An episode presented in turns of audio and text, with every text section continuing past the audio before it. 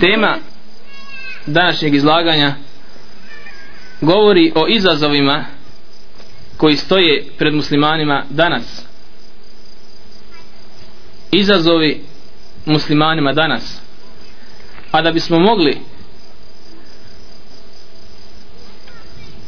uvidjeti situaciju u kojoj se nalazi muslimani danas i da bismo mogli bolje shvatiti i razumjeti one izazove koje, koji stoje pred njima ja ću iznijeti samo nekoliko stati, statističkih podataka koji govore općenito o muslimanima u svijetu i njihovom položaju.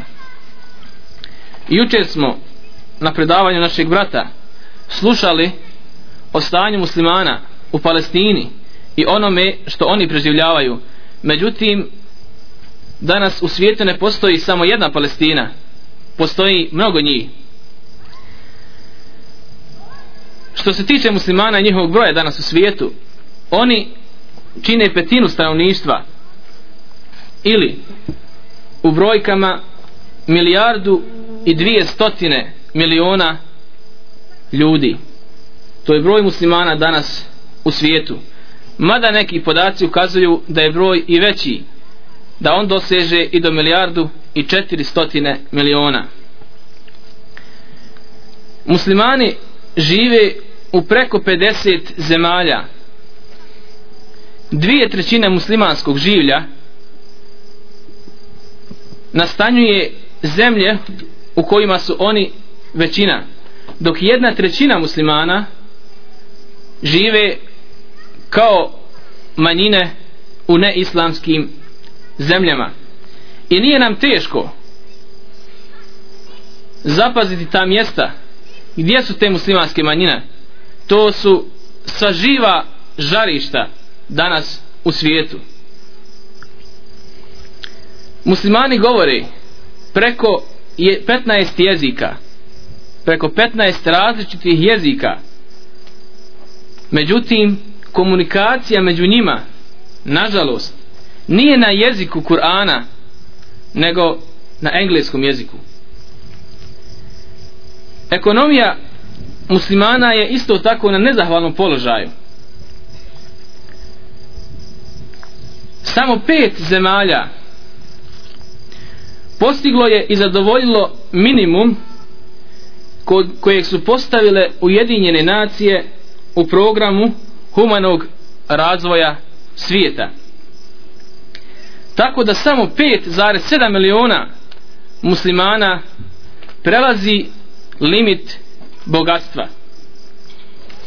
Dok ostali muslimanski svijet ubraja se u one koji još nisu dosegli tu granicu i potpadaju ili spadaju u kategoriju siromašni.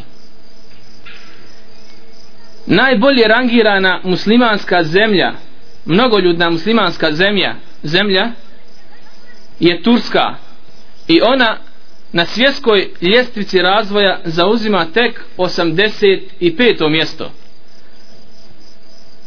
a priznati država svijeta ima otprilike preko 150 što znači da Turska tek dolazi tamo negdje na polovini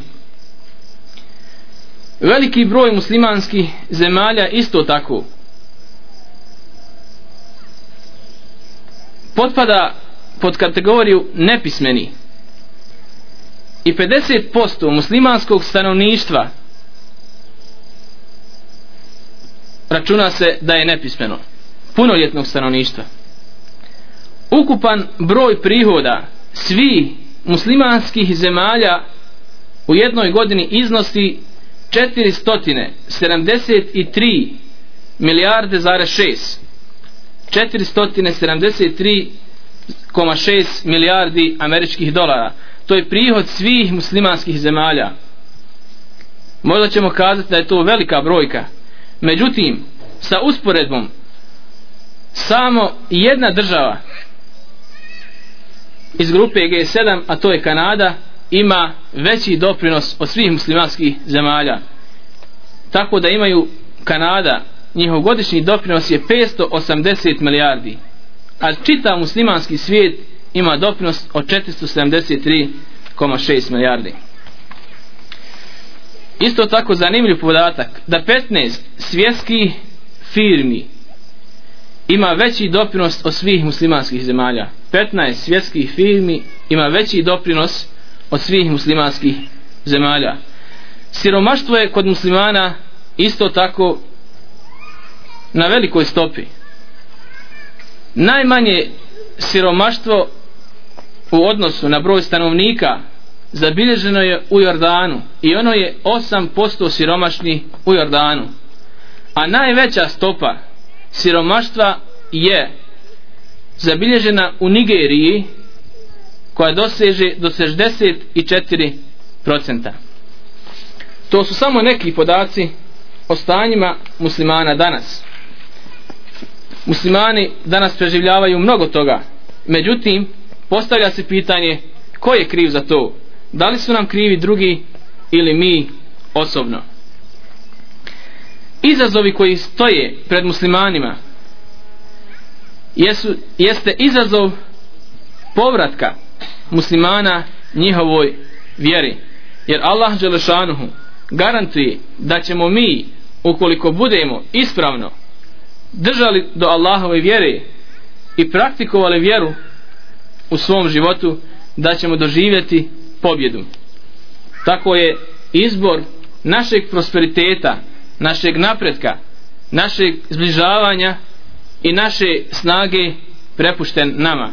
Allah neće promijeniti stanje jednog naroda dok taj narod sebe ne promijeni. Jedan od prvih izazova koji stoji pred muslimanima jeste vjerovanje. Akaid, iman. Svako od nas zagovara i tvrdi da je vjernik. Međutim, ako smo pravi vjernici, onda bi Allahova pomoć zasigurno već bila spuštena. Tako jedan od prvih izazova pred muslimanima jeste obnova i prečišćavanje njihovog vjerovanja. Vjerovanje nije samo memorisanje informacija iščitavanje ili učenje to je put do vjerovanja. Međutim vjerovanje je nešto više od toga. Moramo osnažiti svoje vjerovanje do te mjere da nam bude podjednako raditi u srcu muslimanske zemlje ili u srcu hilafeta ili u totalno idolatrijskom okruženju jer smo svjesni da je naš primarni zadatak samo rad za vjeru i robovanje Allahu Đelešanuhu. To je obaveza svakog pojedinca, ma gdje da se nađe. A nagrada za trud se naplaćuje tamo u vječnosti. Navešću jedan žalostan primjer. Naše hađije koji su putovali na hađ ove godine autobusima u povratku su čini mi se u Turskoj naišli na jednu pećinu za koju se tvrdi da je to pećina koja je pomenuta u suri Kef u koju se sklonila skupina mladića koji su iskazali svoje vjerovanje prema Allahu Đelšanuhu i pobjegli su svoga naroda kako ne bi zapali u širk.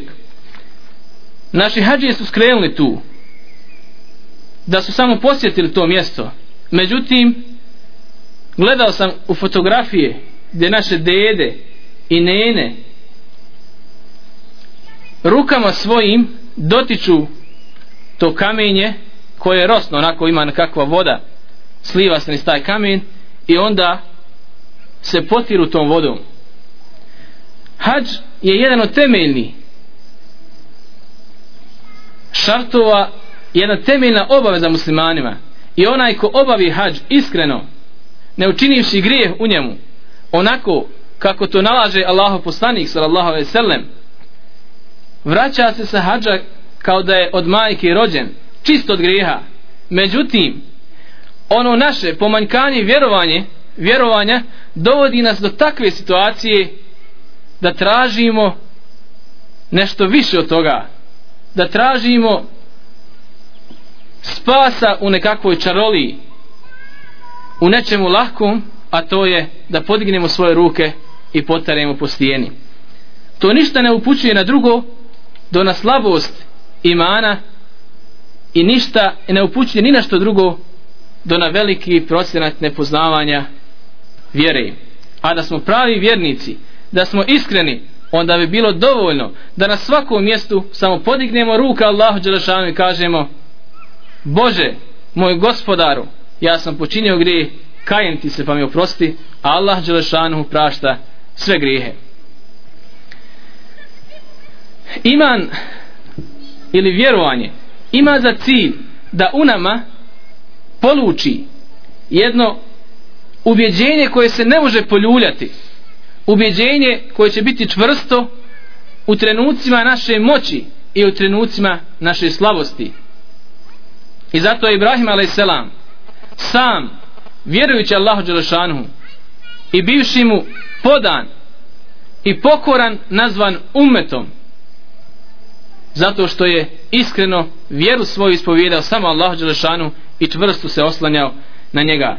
I iman ima za cilj da u nama oživi i u srca naša ugnjezdi ubjeđenje da je radnik musliman djelatnik za Allahu vjeru neuništiv da je njegovo stanje njegov hal uvijek jedan da je on ti ta ideja je nosila pre muslimane.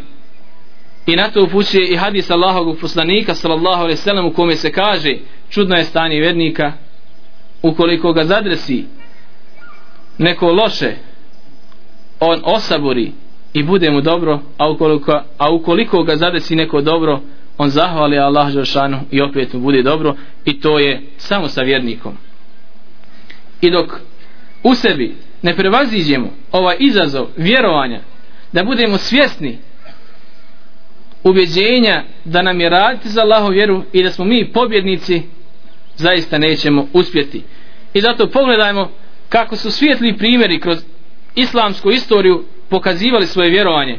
Jedan od islamskih učenjaka kaže nasilnicima onima koji su mu činili zulum sprečavali ga da širi Allahovo svjetlo kaže im ako me zatvorite pa to je osama moja sa gospodarom mojim.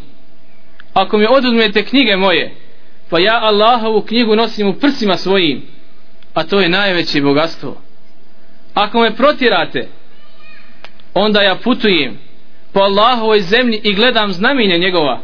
Ako me ubijete pa ja sam šehid i to je ono što želim.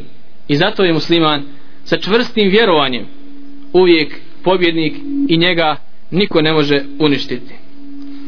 Sljedeći izazov pred muslimanima jeste znanje.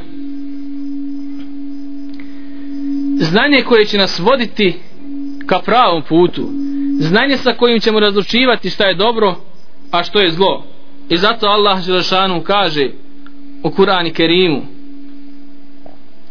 أعوذ بالله من الشيطان الرجيم ألف لام ميم ذلك الكتاب لا ريب فيه هدى للمتقين ألف لام ميم to je knjiga u kojoj sumnje nema uputa bogobojaznima a u drugom ajetu u prevodu značenja se kaže ono što vam poslanik da uzmite a ono što vam on zabrani ostavite. I zato je neminovno i nužno za svakog muslimana da zna odakle da uzme pravo znanje znanje koje ćemo koristiti jer mnogo se znanja danas nudi ljudima. Međutim samo jedno znanje pravo a to je ono znanje koje se nalazi u Allahovoj knjigi knjizi i znanje koje nam donosi Allahu poslanik. I to su izvori znanja koji nas vode ka vječnoj sreći. Zatim neminovno i nužno za svakog muslimana da upozna minimum znanja kojim će razlučiti šta je dobro a što je zlo kojim će znati šta je halal a šta je haram. Znanje koje, ćemo, koje će ga upući, upućivati. Šta je to ibadet ispravan ibadet kojem robujemo Allaha Đelšanuhu a šta je novotarija. Zatim znanje koje će mu pokazati i uputi ga koje su njegove obaveze prema porodici prema njegovoj djeci prema njegovim roditeljima komšijama, bližnjima i muslimanskoj zajednici. Zatim je neminovno da svaki musliman isto tako pored ovog ako kažemo vjerskog znanja a u islamu znanje je jedno i nema podvajanja među njima svaki musliman mora da izuči znanje zanimanja ili struke kojim će sticati i privrađivati za svoju porodicu halal obskrbu. Jer u hadisa kaže najbolji komad ili najbolja hrana koju je pojeo sin Ademov jeste ona koju je zaradio rukama svojim.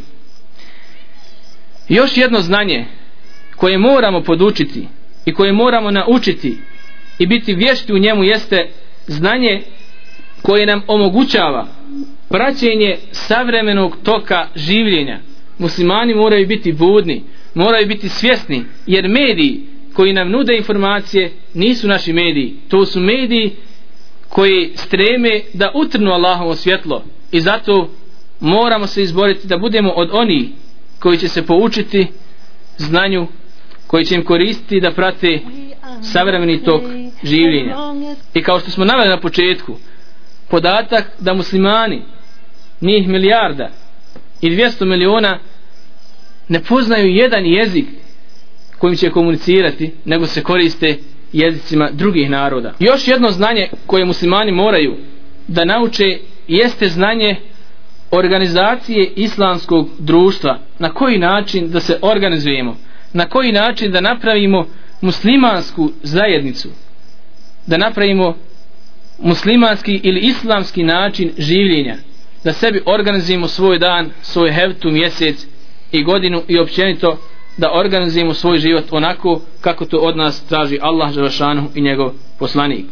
I još jedna stvar prilikom znanja i onoga što trebamo naučiti ili ne jeste da moramo, moramo upoznati koje je to nepotrebno znanje muslimanu. To je znanje koje ne privređuje. Danas imamo kuće institucije koje forsiraju i pretenduju na nekakvom znanju ili umjetnostima filmska umjetnost sportovi muzika sve je to danas ušlo u okvir znanja međutim to znanje ne koristi jer ono ne privređuje ljudima. Ono samo od ljudi oduzima vrijeme i oduzima njihov novac i ništa im ne koristi a islam postiče na nauke koje doprinose ljudskom društvu.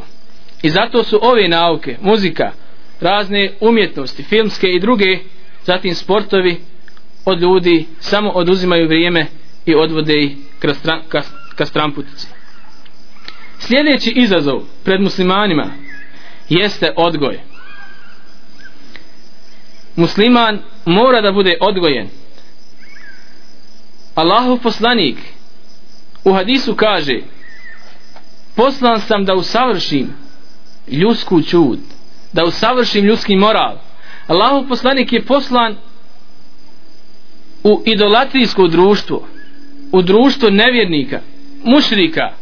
Međutim svrha njegovog poslanstva jeste bila da usavrši ljudsku čud ili moral. Jer čovjek bez morala može imati informacije može poznavati, može biti učenjak ali od njega neće biti koristi. I zato danas mi ne imamo obrazovni i odgojnih institucija nego imamo samo edukacijske institucije koje nam serviraju samo informacije i ništa više.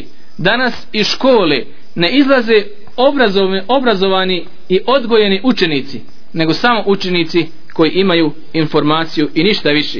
Zato pogledajmo i na Iblisa koji je imao informacije imao je znanje ali nije imao odgoja i zato se uzoholio i nije htio da izvrši imperativ naklona Adem a.s. kada mu je Allah Đelešanu to naredio isto tako današnja politička elita u svijetu oni imaju informacije oni su stručnjaci međutim oni ne imaju odgoja i zato varaju svoj narod i obmanjuju ih. drugoj strani pogledajmo Ebu Bekra radijallahu anhu Ebu Bekr i drugi ashabi slušali su kod Allahovog poslanika sallallahu alejhi ve sellem sjedili u njegovoj halki. Svi su oni imali informacije međutim Ebu Bekr se isticao od drugih. Zašto? jer je njegov odgoj bio najbolji odgoj. I zato Allahu poslanik u hadisu kaže sallallahu alejhi ve sellem kada bi nekoga uzeo za prisnog prijatelja ili druga ja bi uzeo Ebu Bekra za svoga prisnog prijatelja ili druga. Međutim vaš prijatelj Allahov poslanik aludira na sebe je prijatelj milostivoga. Postavlja nam se pitanje kako da odgoja? Kako da postanemo odgojeni nakon što imamo informacije nakon što smo iščitali dosta islamskih knjiga međutim to kao da ne mijenja naš život kao da ne mijenja naše ponašanje. Postavlja nam se pitanje i nameće neminovno kako do odgoja. Prije svega poučavanjem islamske etike ili bontona islamskog ahlaka moramo upoznati šta je to lijepo šta je to islamski ahlak. Čemu nas to islam poziva? Znači na prvom mjestu da se podučimo a kasnije da to i primjenjujemo i praktikujemo u svom životu. Treningom čovjek postiže ono što želi jer čovjekovo ponašanje se teško mijenja. Čovjek usvoji neko ponašanje nakon dugo vremena ali ga je teško promijeniti. I zato mora da trenira ukoliko želi da se odlikuje islamskim odgojem. I zato je Allahu poslanik provlačio ovu nit treninga ili prisiljavanja na dobro što možemo vidjeti iz nekih hadisa kada bi Allahov poslanik Allahov poslanik bi preporučio onome ko se rastrdi da uzme abdest. Znači da sputa svoju sržbu uzimanjem abdesta. Zatim je preporučio kada dođemo u raspravu i kada se glasovi podignu da se prekine rasprava to je trening kako da postanemo bolji. Zatim je posticao na učenje na slušanje, na razmišljanje. Sve je to trening kojim čovjek seže i doseže njime moralne vrijednosti na koje nas postiže postiče islam.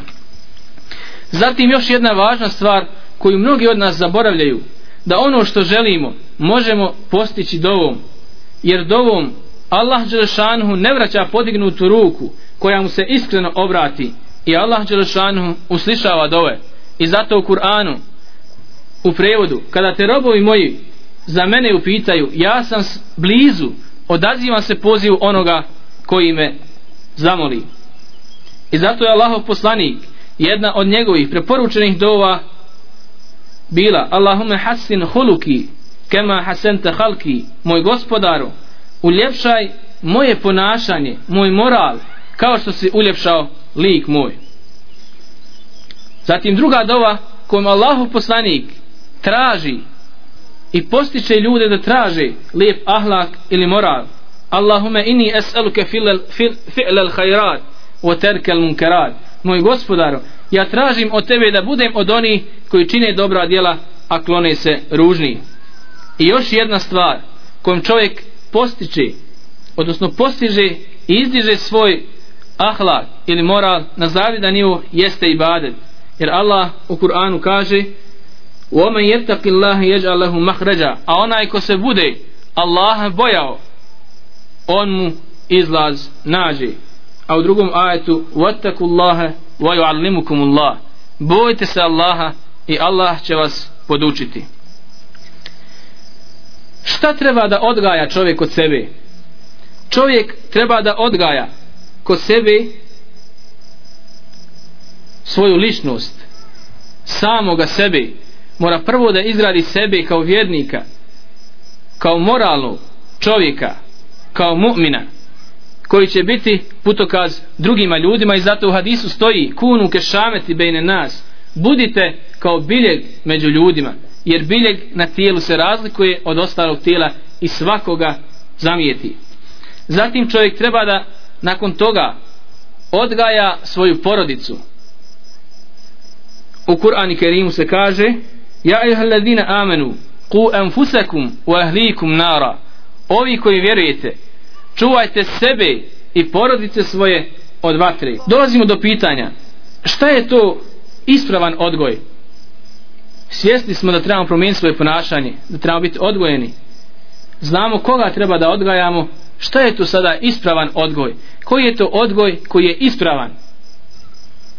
To je onaj odgoj preko kojeg udovoljavamo svojim obavezama ili obavezama koje nam nameće islam.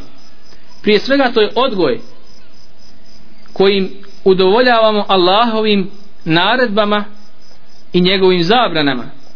To je odgoj koji nas postiče na dobročinstvo prema roditeljima i izvršavanje naših obaveza prema njima to je odgoj koji nas postiče na dobro ka rodbini komšijama i muslimanskoj zajednici što znači dati svakome njegovo pravo odnosno ispoštovati princip pravednosti ako ne i dobročinstva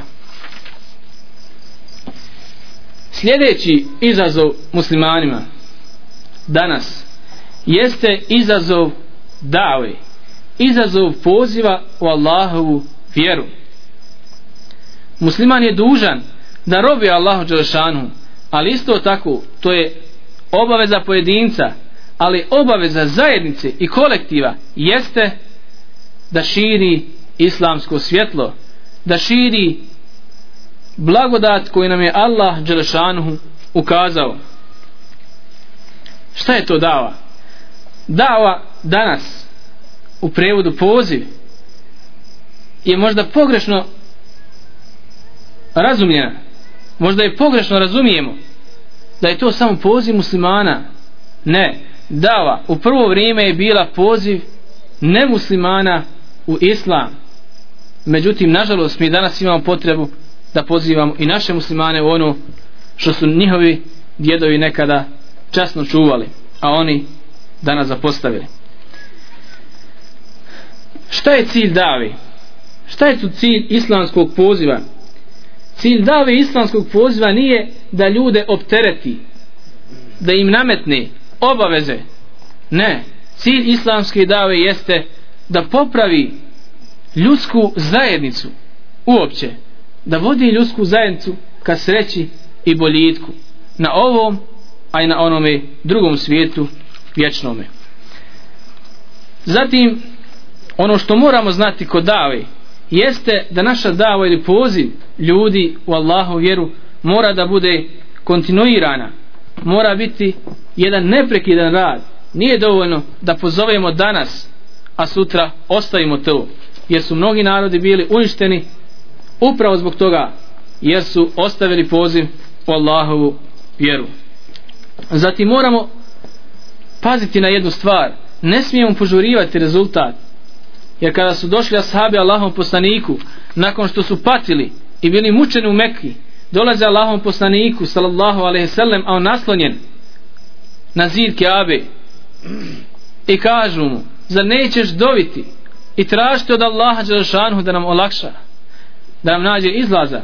Jer znali su da dova Allahov poslanika kod Allaha je ukabuljena i primjena. Pa im Allahov poslanik kaže zaista ste vi narod koji požuruje a onda da bih utješio kazuje im da će Islam doseći do svega onoga što obasjava sunce. Zatim u davi kada pozivamo ljude moramo paziti na njihove emocije. Moramo paziti na okruženje u kojem žive moramo paziti na ono na čemu su oni.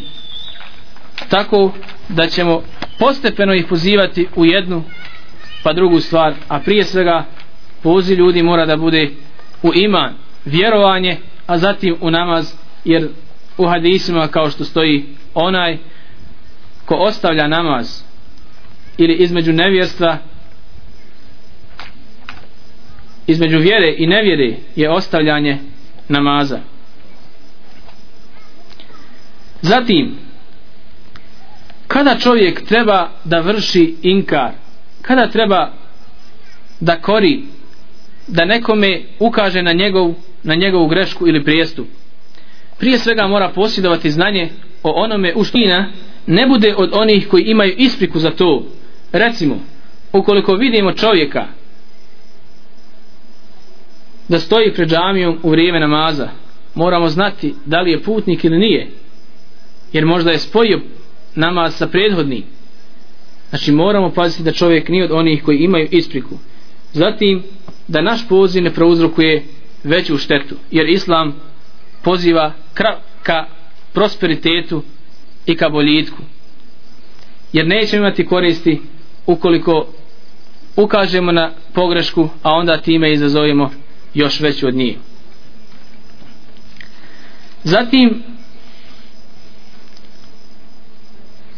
što se tiče dave i poziva ljudi moramo biti oprezni. I ne smijemo se odricati i posezati za odricanjem nekih ljudi jer to je zadnji korak u islamskom pozivu ili davi da se nekoga odreknemo. I opet ukoliko sa nekim prekinemo moramo sagledati i pretpostaviti da li će to prouzrokovati dobro ili ne. Iz toga šejh El Usaymin rahimehullahu ta'ala kaže da će odricanje ili ostavljanje nekog pojedinca ili skupine koji čine grije i ne klone se toga biti samo u onom trenutku ako ćemo time postići neko dobro zatim moramo znati da je cilj islamskog poziva uspostava bratstva i ljubavi među ljudima a ne mržnje i neprijateljstva. I nije dovoljno da samo ljudima ukažemo na grije i da kažemo to je dovoljno od mene izvršio sam obavezu. Ne na nama je da pozivamo ljude svakodnevno i da svakodnevno ih opominjemo na njihove pogreške koje pravi a ne da samo ukažemo na grije i onda jedni druge gledamo mrkim licima. Zatim islamska dava ili poziv cilja izgradnji kompletne ličnosti. I zato se čovjek prije svega poziva u temelje vjerovanje ukazujući na pogrešku koju čini i gledajući na prioritet ciljeva u tome. Sljedeći izazov pred muslimanima jeste pitanje ištihada. To je pitanje ištihada. Ištihad je ulaganje truda od strane učenjaka da bi dosegli neki šerijatski tretman ili propis gledajući u šerijatske dokaze. Novonastala pitanja koja se nameću u muslimanskoj zemlji i sve ono što muslimani danas preživljavaju da postoji institucija ištihada islamske uleme koji će, koji će trenutačno u svakom momentu i trenutku donijeti sud za sve muslimane i predoče ga njima da po njemu postupaju. Međutim nažalost takve institucije danas ne imamo ištihad nije dokinut. On će trajati sve dok traje ovaj umet. I zato je potrebno muslimanima da se izbore za ovu instituciju i za njeno oživljavanje. Jer u posljednjem periodu u nekoliko godina islamski umet je izgubio mnogo velikana učenjaka i izgubili smo sa njima i njihovo znanje. I na nama je da uložimo truda da šaljemo svoju djecu na izučavanje islamskih nauka i da se svi borimo u tome jer to je obaveza svih nas a ne obaveza pojedina, a ne obaveza pojedinaca. A da muslimani imaju instituciju štihada da nas se ne bi pitali kako da postupe prema Palestini kako da postupe prema afganistanskom pitanju? Znali bi, imali bi jedan odgovor i onda bi po njemu i postupali. Sljedeće pitanje koje se nameće muslimanima odnosno prepreka i izazov kojeg moraju da riješe jeste džihad. Džihad je poprimio jednu lošu konotaciju. Kada se spomeni džihad onda se on tumači kao terorizam. Međutim džihad nije to džihad je borba muslimana protiv nevjernika s ciljem zaštite islamskog poziva. Islam ne teži za proljevanjem krvi nego islam teži za uspostavom zdravog čistog moralnog društva. Međutim mnogi danas proglašavaju islam da je on vjera terorizma a nije tako. Jer ako pogledamo pravo svake suverene države jeste da se brani i štiti svoje interese.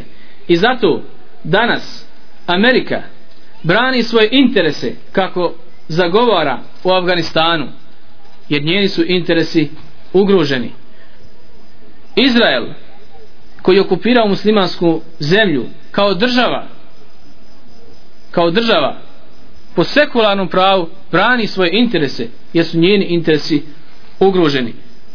I postavlja se pitanje zar muslimani nemaju pravo na to? Zar muslimani nemaju pravo da štite svoje interese? Zatim postavlja nam se još jedno pitanje koje nam se nameće sa oni koji žele loše muslimanima. Pa kažu da je samo džihad odbranbenog karaktera to znači da se muslimani samo mogu braniti na svojoj teritoriji samo na svojoj zemlji a da ne mogu braniti štiti svoje interese interese muslimana i pravdu na tuđoj teritoriji. A to pravo uzimaju sebi. Pa je na nama da razmislimo i izučimo i pročitamo o džihadu šta je to džihad da bi znali mi kao muslimani kada nam se postave ovakve šubhe ili sumnje da znamo na njih odgovoriti i isto tako da znamo kako ćemo postupati u svakom trenutku i svakom vremenu. Zatim, ako pogledamo na ustrojstvo institucije džihada, ono pretiče sve druge vojne i ratne institucije, jer se u džihadu zabranjuje ubijanje žene, žena, djece, nesposobnih za borbu, svećenika, zabranjuje se uništavanje prirodnih dobara, osim u onoj mjeri koja nam je potrebna. Pogledajmo šta je džihad pogledajmo šta je islam i svako onaj ko spusti oružje isto tako se ne ubija. To je džihad to je islam to je institucija ratna ili vojna institucija kod muslimana. Međutim pogledajmo šta drugi rade i kako sebi pravo daju i oni nisu teroristi i oni ne krše ljudska prava i zato je na muslimanima da ožive ovu instituciju, da znaju njene propise i da je znaju upotrijebiti u onom trenutku kada im ona zatreba, jer to je jedan od najvećih naših zadataka i jedna od naj, jedan od najvećih izazova koji stoji pred muslimanima. I još jedno jedno zapažanje ko je taj koji stvara konflikte ko je taj koji poziva u rat ko je taj koji povećaje eskalaciju sukoba jesu li to muslimani ili neko drugi pogledajmo šta Kur'an o tome kaže ولا يزالون يقاتلونكم حتى يردوكم عن دينكم إن استطاعوا oni neće prestajati da se bore protiv vas Kur'an govori da su oni ti koji se bore protiv nas. Da oni podižu žarište a ne mi. Jer se u drugom ajetu kaže o vjernici fedhulu fi silmi kafe uđite u sporazum ili mir svi skupno. Islam poziva miru međutim drugi su koji pozivaju na rat međutim to žele okačiti nama. Sljedeći izazov muslimanima u ovom vremenu jesu mediji i sistem informisanja i oglašavanja. Ako pogledamo na Kur'an jedan od njegovih ciljeva jeste bio da informiše i upućuje. Zato su se munafici bojali da Kur'an ne otkrije njihovu podlost i da ih ne imenuje kao, kao što je to činio sa kršćanima i židovima. Kur'an je informisao muslimane upućivao ih na dobro upućivao ih kako da postupaju e to danas trebaju da čine mediji u ovom vremenu. A kolika je moć medija? Mi živimo na tako skučenom prostoru i ne poznajemo zbivanja osim u onoj maloj okolini oko nas. Čak ne poznajemo šta se to dešava u našem gradu šta se to dešava u gradu do nas u našoj državi? Šta se to dešava na jednom kontinentu osim preko medija? Mediji su ti koji nam plasiraju informacije i na osnovu tih informacija mi preduzimamo korak. Kako da postupimo ovako ili onako? I zato je neminon i nužno da muslimani odgonetnu na ovaj izazov i da uspostave sistem informisanja i oglašavanja. Jer tada nam neće tada neće drugi da nam kazuju šta se dešava u Palestini. Da li je to teror ili nije? Da li je tamo počinjen zločin ili ne? Jer ćemo imati svoje medije sa koji ćemo slušati istinu. A pogledajmo koliko je islam pravedan. Kada su Allahog poslanika sallallahu alaihi sallam upitali da li vjernik može učiniti neki grije? Može li učiniti to? Može li to? Pa je poslanik odgovarao potvrdno a kada su ga upitali da li vjernik može da laže? Allahov poslanik je odgovorio ne. Znači vjernik ni u kom slučaju ne smije da laže. Pa i kada bismo uspostavili ovaj sistem ovu instituciju instituciju informisanja i oglašavanja vjernik bi morao da ostane dosljedan svojoj vjeri i samo bi smio istinu da iznosi. Međutim to nije slučaj sa onim drugim. I zato i danas ne poznajemo šta se dešava u svijetu jer nemamo svojih medija. A cilj islamskog medija jeste razglašavanje istine svima muslimanima i nemuslimanima. Zatim demantovanje lažnih informacija pogotovo oni koje se tiču muslimana. Zatim usmjeravanje opće populacije ka dobru. Jer se kaže o ta'avanu ala birri o takva i sarađujte na dobročinstvu i čestitosti. Još jedan izazov pred muslimanima jeste vlast ili zakonodavstvo. Moramo znati i vjerovati nositi to objeđenje da vlast pripada samo Allahu Đelešanu. I samo njemu se pokoravamo. I njegovu vlast štujemo i po njoj postupamo. Svi drugi na islamski sistemi su neprihvatljivi. Bez obzira koliko oni možda najizgled izgledali pravedni oni u suštini nose nepravednost. Jer su dali pravo čovjeku da on rasuđuje. Zatim živjeći u neislamskoj zajednici muslimani su obavezni da se pridržavaju islamskih propisa. Ne smiju ih kršiti govoreći mi ne živimo u muslimanskom društvu jer musliman je obavezan da na svakom mjestu ispoštuje ono što mu Allah Žešanu nalaže.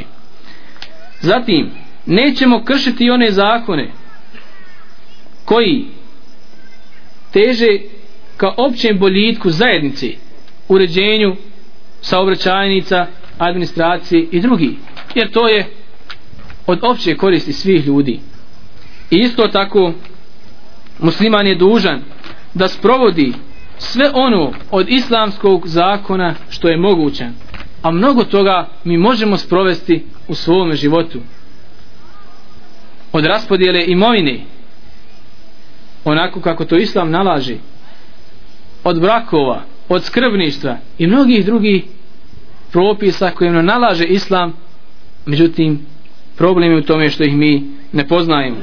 I još jedna obaveza, obaveza muslimana pred ovim izazovom jeste da izučavaju islamsko zakonodavstvo i da šire njegovu apsolutnu pravičnost. To je naša obaveza i to moramo da izvršimo. Još jedan od izazova koji stoji pred muslimanima jeste zajedništvo. Džemat ili zajednica.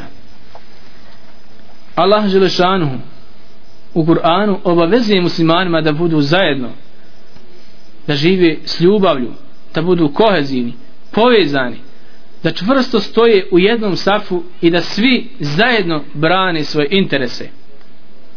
I zato Allah Želešanu kaže stejdu billah ja ih ladina amenu يا أيها الذين آمنوا اتقوا الله حق تقاته ولا تموتن إلا وأنتم مسلمون واعتصموا بحبل الله جميعا ولا تفرقوا ovi koji vjerujete bojite se Allaha pravom bogobojaznošću i ne umrite osim kao muslimani i čvrsto se Allahovog užeta držite svi i nemojte se razilaziti i to je naša obaveza da budemo zajedno međutim zajednicu naše zajedništvo moramo da gradimo na istini.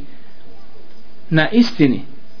I nema okupljanja na grijehu međutim muslimani danas često se okupi oko grijeha pa ih vidimo tamo ili ovamo okupljene na grijehu a kada budu pozvani na namaz kada se prolomi glas ezana onda se oni odmeću zajedništvo se postiže kroz bratstvo. I zato Kur'an i postiče na to pa kaže innemal mu'minune ihve zaista samo vjernici braća. Iz ovoga ajeta možemo zaključiti ako smo pravi vjernici među nama će da vlada bratstvo. A ako među nama nema bratstva to upućuje da je naš iman ili da je naša vjera slaba. Zatim odricanje ili odbacivanje nekoga. On je od nas ili nije od nas? On je u našem safu ili ne? Mora samo da bude na kuranskim i sunnetskim principima. Ne smijemo da se podvajamo po nacionalizmu po boji kože ili nečemu drugom nekim drugim interesima nego samo ono zašto Kur'an kaže da je loše to je loše. I samo ono što je dobro u Kur'anu i sunnetu to je dobro i na tome moramo da se okupljamo i na koncu moramo da sarađujemo na dobročinstvu وتعاونوا على البر والتقوى ولا تعاونوا على الإثم والعدوان i sarađujte na dobročinstvu i čestitosti a nemojte sarađivati ili drugovati na grijehu i neprijateljstvu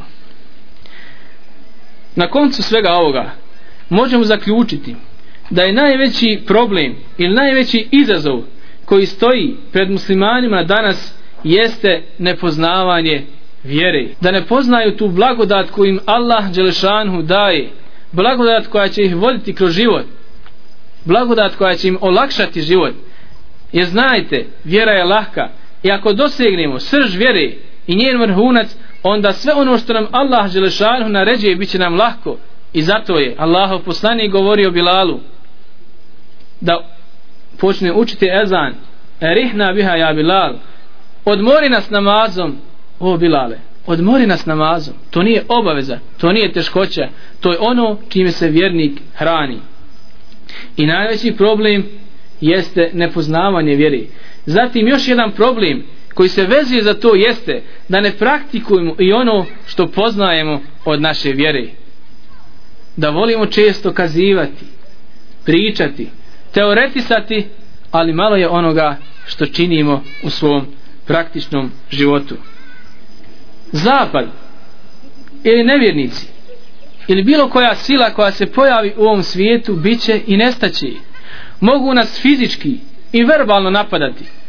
Mogu predstavljati silu mogu nam prijetiti mogu, na, mogu nas zastrašivati. Međutim problem nije u njima. Oni će biti i nestati. Međutim problem je u nama. Allahova će vjera pobijediti s nama ili bez nas. I zato nemojmo propustiti tu priliku da budemo mi od onih na čijim rukama će zaživjeti Allahova vjera.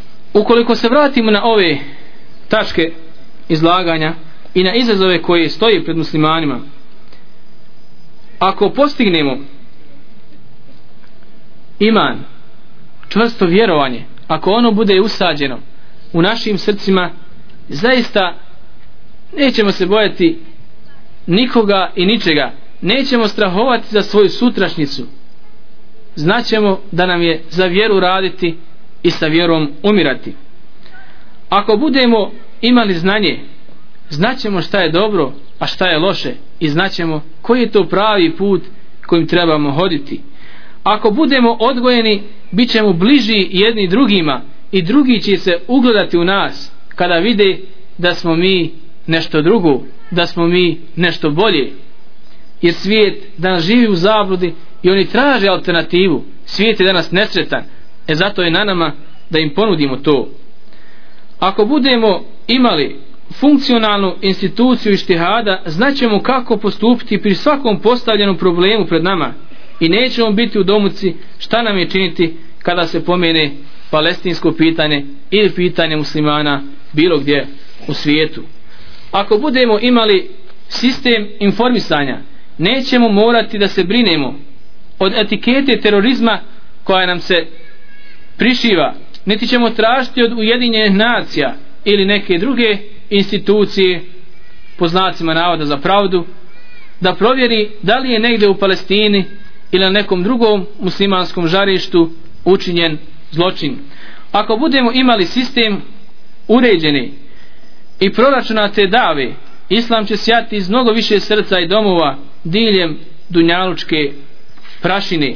Ako budemo imali vlast i znali šta je to vlast i kome ona pripada tada nećemo morati da prihvatamo nametnute sisteme sekularizma niti ćemo strahovati od presije globalizacije jer ćemo znati da vlast pripada jedino Allahu i da on svim upravlja i da je Allahova riječ posljednja ako uspijemo osnažiti našu zajednicu i oživimo osjećaje brasta među nama tada ćemo biti jači i neprijatelj će se sustezati da podigne svoj glas protiv nas a kamoli onda da podigne svoju ruku protiv muslimana. Na kraju čuvajmo se grijeha jer on uništava dobro. Čuvajmo se neznanja jer ono nas približava zavludi klonimo se nepromišljenosti u postupcima pretjerivanja netaktičnosti požurivanja rezultata razbijanja zajedništva i nemoralnosti i neljudskog obhođenja. Znajemo da će Allahova vjera pobijediti s nama ili bez nas da će vjernici oni koji rade za Allahovu vjeru biti potpomognuti onda kada im pomoć bude najviše potrebna i da će laž prestati i da će ona uništena na koncu biti.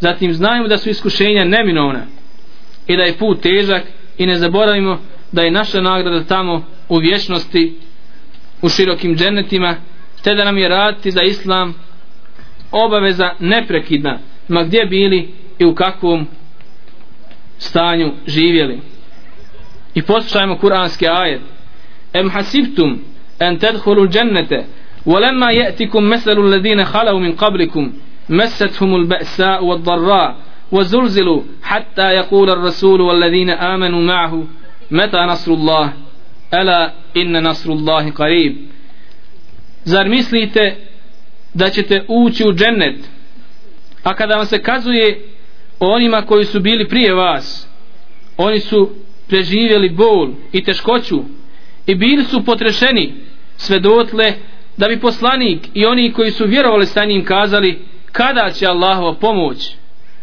Ela inne nasrullah karib zar Allahova pomoć nije blizu molim Allaha Đelešanuhu da nas uputi i podrži u dobru a da nas odvrati od greha i da nas učini od onih koji će slušati Allahove riječi slijediti najbolje od njih.